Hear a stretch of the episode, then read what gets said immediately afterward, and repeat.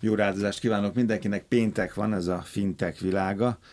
Fintech és digitalizációs jelentés 2023. július. Szombati Anikó a Magyar Nemzeti Bank digitalizációs fintech szektori fejlesztésért felelős ügyvezető igazgató van itt a stúdióban vendégként, és természetesen itt van Szupán Marci, a PIK alapítója. Nagyon kíváncsi vagyok, kezi csókolom még egyszer, hogy Marci, mire voltál kíváncsi először ebben a jelentésben, te mit ütöttél fel, vagy mit néztél meg, aztán majd elmondom, hogy én mit néztem meg. Én alapvetően minden változással kapcsolatos dologra vagyok kíváncsi mindig az ilyen jelentésekben. Mindig azt szoktam nézni, hogy az egy évvel vagy az előző időszakhoz képest eltelt időszakban mi az, ami változott, és mi az, ami történt, és így szeretek egy ilyen ívet alkotni a fejemben, és hát az látszik, hogy, hogy nagyon jó irányba alakulnak a dolgok digitalizációs, pénzügyi digitalizációs. A szektor vagy a banki szektor digitalizáció? Alapvetően az egész magyar piac, azt gondolom. Mm. Azt is látom, hogy egy kicsit talán a bankszektor jobban teljesít az elmúlt egy évben,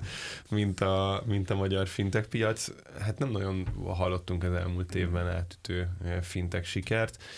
Nyilván a Seonnak a példája az más, de az egy nagy nemzetközi sztori, amihez mindig gratulálunk, amikor szóba kerül a Seon, ez most sem maradjon el. De, de azt látom, hogy a bankok nagyon szépen nyomulnak előre. Digitalizációban mindenképpen a, a az alap képességeknek a digitalizálásában mindenképpen. Viszont azt látom, hogy országos szinten azért az igazi innováció az, hogy tényleg olyan termékek legyenek bevezetve, amik fölveszik a versenyt egy nagy nemzetközi neobankkal, aki betette ide a lábát, vagy akár még nem tette be ide a lábát, az egyelőre várat magára, de egy szép pozitív trend látszik. Hmm. Annika azt kiemelte, hogy ebben a, a műben alapvetően a hazai és nemzetközi fintech szektor trendjeiről, valamint a hazai bank és biztosítási digitális érettségről írnak. Tehát ez az összefoglaló alcím, ugye? Így van. Köszönöm szépen a meghívást, és ugye mindig mi is uh, érdeklődéssel figyeljük egyrészt a trendeket, másrészt pedig közvetlen adatgyűjtéssel, ugye a bankokat, biztosítókat megkérdezzük egy ilyen 250-300 kérdés erejéig, és ebből mérjük föl, hogy hogyan alakul az ő digitális érettségük, és a pandémia után ugye az volt a kérdés, hogy, a, hogy ez akkor részben kényszerűségből meginduló digitalizáció,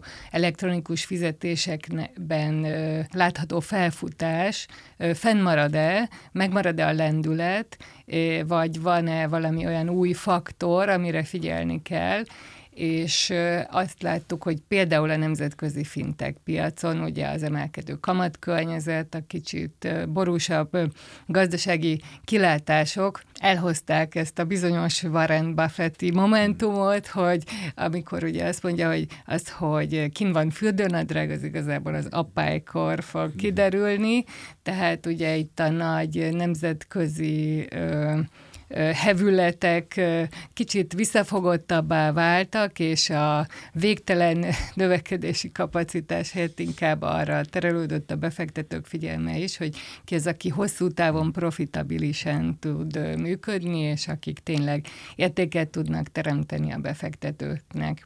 Ugye a hazai piacon is azt láttuk, hogy szerencsére részben talán a saját erőfeszítéseink alapján is sikerült a, a digitalizáció szükségszerűségét úgymond egyértelművé tenni mind a bankoknál, mind a biztosítóknál, tehát hogy ez nem egy ilyen nice to have dolog, amit a legfejlettebbeknek kell követni, hanem mindenkinek a hosszú távú életképességéhez szükséges a, a digitális készségeknek a fejlesztése. Részben ugye ez jelenti az ügyfelek felé való digitális elérhetőségnek a javulását. Ugye itt már évek óta látjuk, hogy online onboarding, személyi hitel, a banki oldalon ez már mindenkinél elérhető, és innen kell tovább haladni. Másrészt pedig a belső folyamatok, a belső működés, digitalizációja, a folyamatos fejlesztések tudják csak azt biztosítani, segíteni, hogy, hogy hosszú távon is, akár a külföldi kihívókkal szemben is meg tudjanak maradni, és meg tudják tartani a hazai ügyfeleket. Én nyilván arra voltam egyébként kíváncsi, mert ezt a Marci visszakérdezett, meg hát én is ígértem, hogy, hogy értem mondjuk egy biztosító vagy egy pénzintézet az mit tesz digitalizációs csatornán keresztül, vagy újításon keresztül. Tehát mikor milyen szolgáltatással lep meg, mi, milyen hívószavak vannak, megpróbál edukálni, megpróbál rám beszélni valamit, érdekelté tesz-e valamiféle digitális megoldás használata. Tehát engem nyilván ez, ez érdekelt volna. Egészben és részleteben ez kiderül a jelentésből, meg azért az is, hogy a bankoknál is van egyfajta ilyen, ilyen digitális megtorpanás, nem? Szóval most nagyon sok minden nem történt az előző méréshez képest. Ugye, tehát 60-70 százalék az önök felmérése szerint, ugye, vagy elégedettsége szerint, aztán azt is megkérdezném, hogy egyébként egy elégedette a Magyar Nemzeti Bank ezzel a lendülette. Igazából ugye mi az ügyfelek szempontjából nézzük azt, hogy, hogy nagyon leegyszerűsítve az ország területén bárhonnan, bármikor mennyi digitális termék vagy szolgáltatás érhető el, és itt vannak is úgymond ilyen középtávú stratégiai terveink, hogy ezt a, nem tudom én most ilyen nagyjából 50 osnak miért arányt, akár középtávon legalább 70 ra fel tudjuk tornászni. Ilyen értelemben sokszor látjuk is azt, hogy, hogy a bankok látnak ebben üzleti potenciált, de egy ponton túl maga a belső működésük, felkészültségük gátat teremt annak, hogy ők 7-24-ben bármikor ezeket a szolgáltatásokat tudják nyújtani. Ugye vannak bizonyos területek, például a jelzálog hitelezés, ahol ugye jogszabály is kimondja, hogy ezt végül is fizikai jelenléttel kell azt a bizonyos szerződést aláírni, és ezt sokszor a bankok kifogásként is jelenítik meg, hogy hát akkor itt mi nem tudunk semmit tenni, pedig azért egy... Meg van kötve a kezünk. Egy jelzálog hitel szerződés aláírásáig nagyon hosszú az út, nagyon sok dokumentumot kell prezentálni, nagyon sok ellenőrzési ponton kell átjutni az ügyfeleknek, és itt bizony nagyon nagy tere lehet a digitalizációnak annak, hogy, hogy egyszerűsítsék a folyamatokat, hogy amikor egyszer már bekértek egy adatot, például ha én a bankomnál ott vagyok 20 éve, akkor igen, ne kelljen igen, azzal kezdeni, igen. hogy 20 dokumentumon kitöltöm a nevemet, születési adatomat, hiszen azt elvileg ők már tudják. Itt nagyon fontos olyan háttérmunkára van szükség, minőség, ami első körben nem feltétlenül látható vagy eredményes, de, de nagyon fontos ahhoz, hogy ezek a képességek meglegyenek. Egyébként a Marci emlegette önt egy vagy két hete, vágyfülő hallgatók szerintem fölismerték. Nem tudom, akkor tudtad-e már jön hozzánk, Anikó, de nem, nem. nem, de a Magyar Nemzeti Banknak ez a részlege, ez a Mártonnál mindig gorcső alatt van, és kedvesen beszélt magukról két hete. Mint egy ilyen fintek élesztő, vagy nem tudom, ilyen digitalizációs élesztő, vagy kovász valahogy, ezt így képzelem, mert ebben a jelentésben is egyébként vannak nekem ilyen sugallataim, Marci. Fontos, nagyon fontos, én azt gondolom, hogy egy országban, vagy egy adott területen ne pusztán önszerveződő módon épüljön egy, egy ilyen új típusú szektor, mint, mint amilyen a fintech szektor is, nem legyenek olyan szervezetek, akik nagyon nagy múltra tekintenek vissza és legitimizálják tulajdonképpen a szektornak a működését, és egy átlátható jó képet adnak róla. Ugye itt a jelentésben van egy, egy komplett fejezet a a fintech szektorról, ami szerintem egy nagyon jó betekintést ad. Nyilván az kérdés, hogy ki mit tekint a fintech cégnek. Én kicsit ezzel fukarabb módon... A jelentés szerint 170 cég van, ugye? Igen, Igen körülbelül. Igen, én azt mondom, hogy drasztikus legyek, és a másik oldalról induljak, hogy Magyarországon nagyjából 10 olyan cég van, aki életképes fintech szolgáltatást nyújt, és ez a fő biznisze. Ezzel nem azt akarom megkérdőjelezni, hogy van 175 olyan cég, akinek egyébként van fintech típusú szolgáltatása is, mert ez, ez, ez biztos, Ilyen hogy, hogy is foglalkozik. Így van, de ez egy értelmezésbeli különbség, szóval ez nem, egy, nem gondolom, hogy egy vita mm. alap. Itt egy picit rákapcsolódva erre a jelzálók hitelezésre, az egyébként nem, nem feltétlenül ez a témája az adásunknak, sőt nem ez a témája az adásunknak, de hát ez egy borzalmas folyamat ma a magyar piacon. Én most pont céges színekben végig csináltam egy ilyet. Odáig elmenve, hogy tényleg nem felügyelt folyamatok sincsenek digitalizálva, tehát amit, amit mondtál, Nikó, hogy ráfogják arra, hogy jó, de hát nem lehet online aláírni, igen, ez egy dolog, hogy el kell menni egy közjegyzőzés, ott azt, azt, azt nem lehet digitalizálni, de amikor mondjuk egy folyósítási feltétel listát a szerződésnek a szövegéből kell kihámozni, és magamnak kell makrós Excel táblát készíteni belőle, hogy ki tudjam pipálgatni, és hozzá tudjam adni a stakeholdereket. Edukáció, edukáció.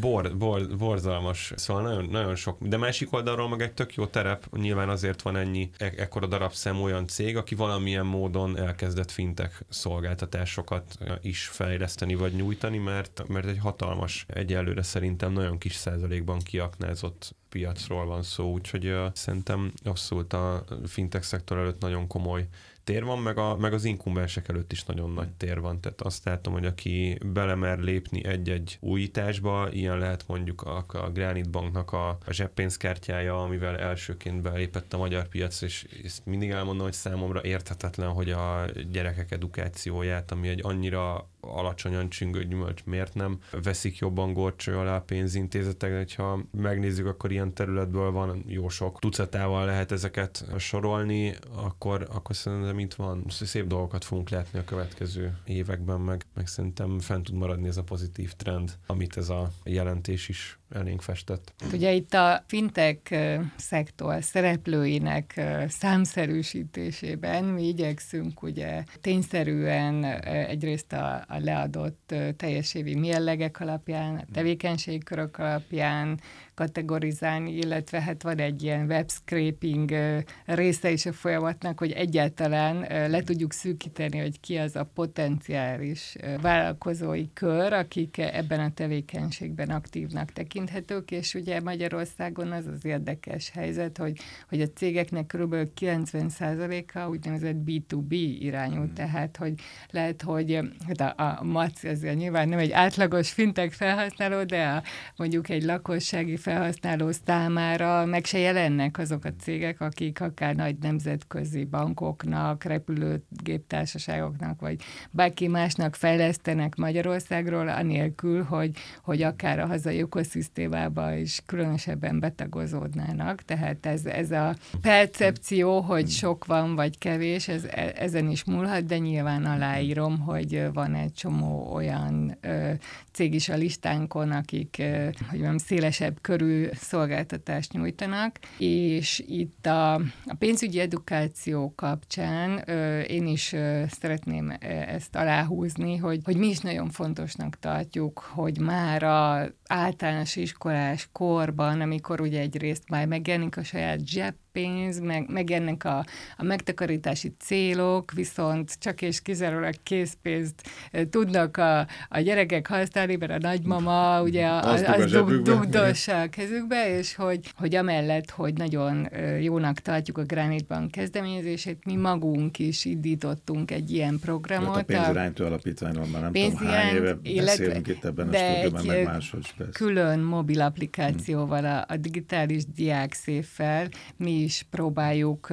kvízekkel, nyereményekkel is ösztönözni azt, hogy a gyerekek és természetesen a szüleik megismerkedjenek a digitális pénzügyekkel, legyen saját elektronikus pénzszámlájuk, azzal tudjanak fizetni QR kódos helyeken, tehát hogy egy, egyáltalán meg legyen a lehetőség, az alternatíva a készpénzhez képest, és utána megtapasztalják azt, hogy ez biztonságos, ez átlátható, a szülők kontroll tudnak gyakorolni a gyerek pénzköltése fölött, vagy akár a megtakarítási céljai fölött is, tehát egy biztonságos csatorna, és ugye a bankok sokszor úgy érzik, hogy ez a korosztály, ez nekik túl távoli ahhoz képest, hogy ők ebből konkrétan pénzt tudjanak keresni. Hát mert ahhoz ez... képest az egyre jobban lehajolnak érte szerte a világ, egyre, egyre fiatalabbak kér, mert hát az a gyerekeken keresztül a szülőköz vezet az út, és aztán a gyerekekből majd felnőtt lesz. Amikor van még egy pár percünk, kriptó, ez a másik, ami engem mondjuk akkor érdekelt volna, volna, meg itt is szoktuk emlegetni a Magyar Nemzeti Bankot, abban, hogy az egész kriptóhoz való viszonya az milyen mondjuk más európai nemzeti bankokhoz, vagy, vagy más földrészelő nemzeti bankokhoz képest élenjáró. Marci talán ezt a kifejezést szokta mondani. Még hát itt külön beszéltünk a róla, talán külön adást szenteltünk, de, de egy markáns hmm. adásrész biztosan a, az MNB által kibocsátott NFT sorozatnak, ami, hogyha jól emlékszem, a világon első Igen, mi úgy, úgy látjuk, igen. Hát ugye kriptoügyben, így az egész Európai Unióban ugye hamarosan kitisztul az ég olyan értelemben, hogy, hogy 2024 végére hatályba lép a, a MICA, a Marketing Crypto Assets közvetlen szabályozás, ami, ami egy nagyon jól átlátható szabályozási hátteret fog adni a kriptoeszközök kibocsátásának, kereskedésének, tehát ugye itt a, a tavalyi év két nagyobb hullámban, ugye egyfajta ilyen kripto telet hozott nekünk. Egyrészt ugye májusban volt a Terra Luna stablecoinoknak a, az értékvesztése, illetve évvégén például az FTX kriptotősde és társainak a, a bukása, és igazából ugye mi úgy gondoljuk, hogy a, hogy a kriptoeszközök, kriptobefektetések piaca természetesen lehet egy, egy alternatíva, egy diversifikálási irány. Vannak ugye ennek a területnek komoly hívői is, tehát hogy emellett nem tudunk elmenni, viszont akik nyújtják ezeket a szolgáltatásokat, azoknak prudensen kell működni, nem szabad ellopni az ügyfelek pénzét, megfelelő, ugyanazok a megfelelő vállalatirányítási, számviteli, kockázatkezési szabályok kell, hogy érvényesüljenek egy ilyen forgalmazó esetén, mint, mint a hagyományos tőkepiaci forgalmazók esetén, mert hát bizony... Tehát nem lehet, hogy nyolcas pályán megúsznak, ugye, mert más szabály vonatkozik. Hát ugye nem, jelenleg nem. semmilyen szabály igen, nem hát vonatkozik, így, viszont az ügyfelek meg azt gondolják, hogy hát ez egy ugyanolyan tőzsde, csak nem. Nem tudom, OTP részvényt vesznek, hanem bitcoint, és hát bizony azért itt nagyon sokan visszaérnek a, ezzel a bizalommal, és sajátjuként kezelik az ügyfelek pénzét, stb. stb. Tehát a, a csalás az csalás, az semmilyen értelemben nem tolerálható, és a, a, nyilvánvalóan itt a, az egyik fő különbség, hogy ezek az eszközök nagyon volatilisek, nagyon tág határok között mozognak, tehát ugye volt már a kripto kapitalizáció három trillió dollár is, meg egy is, így az elmúlt egy éven belül, tehát ezt a befektetőknek úgymond látniuk kell, hogy ez egy nagyon kockázatos irány, de amellett, ha már elhatározzák magukat, a megvalósítás során is működni kell a korrekt ügyfél kiszolgálásnak. Diversifikációs eszközként ez egy jó dolog lehet. Én azt gondolom erről, és szerintem ez mutatja, hogy mennyire hiszek ebben a piacban. A, a teljes befektetési portfóliómnak körül a 3-4 százaléka van kriptóban, úgyhogy a, én nem gondolom, hogy en, ennek érdemes fölé menni, hogyha valaki nem, nem éppen nagyon gyorsan akar meggazdagodni, vagy éppen elszegényedni a, a kriptó befektetésén, és, és ez a másik, ami, amit egyébként én saját magamnál ugye a Coinbase-es csalódásom után, amikor feltörték a Coinbase-es accountomat és kipakolták az egészet, és gyakorlatilag a Coinbase-nek elérhetetlen volt az ügyfélszolgálata. Rendes tőzsdén szabályzott, származtatott eszközt vásároltam most, úgyhogy tanul, tanultam ebből. Az ugye vannak, vannak, vannak, van, hát ez egy, drága, ez egy viszonylag drága, viszonylag drága kurzus volt, de egyébként igen, vannak, vannak az azért ilyen elemek, amit az ember nem kriptotőzsdén vesz meg, hanem, hanem valamiféle származékos, ilyen alapszerű, normál tőzsdén kereskedett eszetet. Nyilván ezek egy picit késve kereskedik le, vagy késve költik az árfolyam mozgásokat, de, de biztonságosabb elemek, és én személy szerint nagyon várom a, az európai kriptoszabályozást, mert egy, egy nagyon igazságtalan állapotnak tartom azt, hogy, hogy létre lehet hozni semmiből néhány millió forintos IT fejlesztéssel, vagy valami másik szoftvert white label kriptotőzsdéket és aztán ott óriási pénzeket lehet kezelni. Ilyenféle komoly pénzkezelési szabályzat és egyéb mellett, és tulajdonképpen az alapítóknak, meg a vezetőknek a jó hiszeműségére van bízva az, hogy ők most ezt a pénzt a sajátjukként kezelik, vagy Mert annyira vagy nem. együtt éreznek az ügyfelekkel, hogy ezért. Ezért Akkor ez van. 2024, ugye, és ez, ez az európai szabályozás, ez tulajdonképpen úttörő lesz, ugye, vagy példaértékű lehet ez egész világon, ugye nincs még talán Igen, ilyen. az Európai Unió egy, egy nagyobb gazdasági egység, és ez egy nagyon jelentős lépés lesz. Természetesen ugye a világ többi részén, akár Egyesült Arab Emírségekben, Hongkongban, Szingapurban is vannak ide vonatkozó szabályok, de ugye mivel ez a tér, vagy ez a, ez a digitális kereskedés ugye határon átnyúlóan és nagyon kiválóan üzemeltethető, ezért nagyon fontos, hogy előbb-utóbb egy globális szabályozás, vagy akár ezen szabályozásoknak a, a koherens hálózata alakuljon ki, és védje a befektetőket akárhol is tesznek ilyen lépéseket. Nagyon szépen köszönjük Szambati Anikó, Magyar Nemzeti Bank ügyvezető igazgató Szupán Márton Pik. Köszönöm. Én is köszönöm.